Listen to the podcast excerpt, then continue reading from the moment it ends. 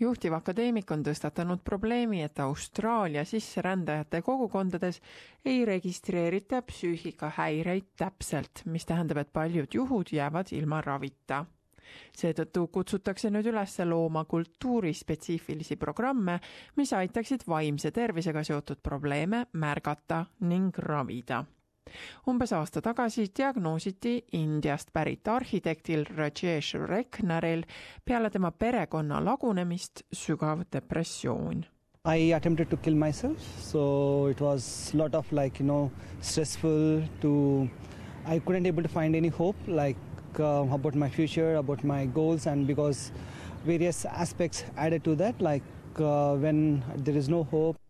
Austraaliasse vast saabunud inimeste seas pole vaimne haigus haruldane, eriti selliste inimeste puhul, kes on kogenud traumat, näiteks sõja, nälja, haiguse või pagulaslaagris elamise kaudu.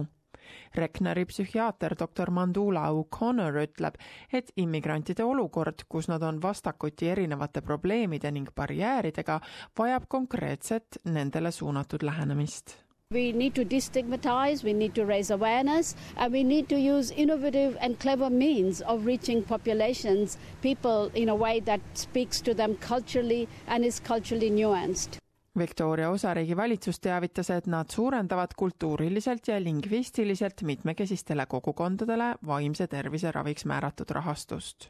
selliste rahastuse saajate seas on Diversitat, mis on Austraaliasse elama asumisel abistav organisatsioon, mis pakub tervet rida spetsiifilisi kultuurilisi programme, nagu näiteks aiandus, muusika ning kunst Nad viivad osalejad kokku ka selliste teenustega, mida neil vaja on. doktor O'Connori sõnul saavad sellised programmid aidata ametivõimudel paremini vaimse tervisega seotud olukorda rahva seas hinnata People don't understand that we do understand what is chemistry of the brain, what are the social factors that impact mental illness, what are the societal and uh, cultural factors that we can manipulate to change a mental health situation.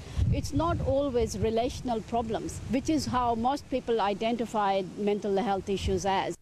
Kuid juhtiv akadeemik doktor Harry Minas Melbourne'i ülikoolist ütleb, et kogu vaimse tervise sektor on silmitsi tähtsa probleemiga. tema sõnul tähendavad piiratud ressursid, et mitte inglise keelt kõnelejaid ei kaasata vaimse tervise uuringutesse ning selle tõttu puuduvad ka haavatavaid kogukondi puudutavad täpsed andmed. The consequences that we know less about them than we should Um, clearly, what we are involved with in the rest of service delivery is evidence based policy, evidence based practice. And if we don't have that evidence about specific subsections of the population, then we don't know whether what we're doing is the most effective and efficient way of responding to problems. Doktor Miinas on paljude ekspertide seas, kes kutsub üles Austraalia kultuuriliselt mitmekülgse kogukonna vaimse tervise valdkonda rohkem rahastama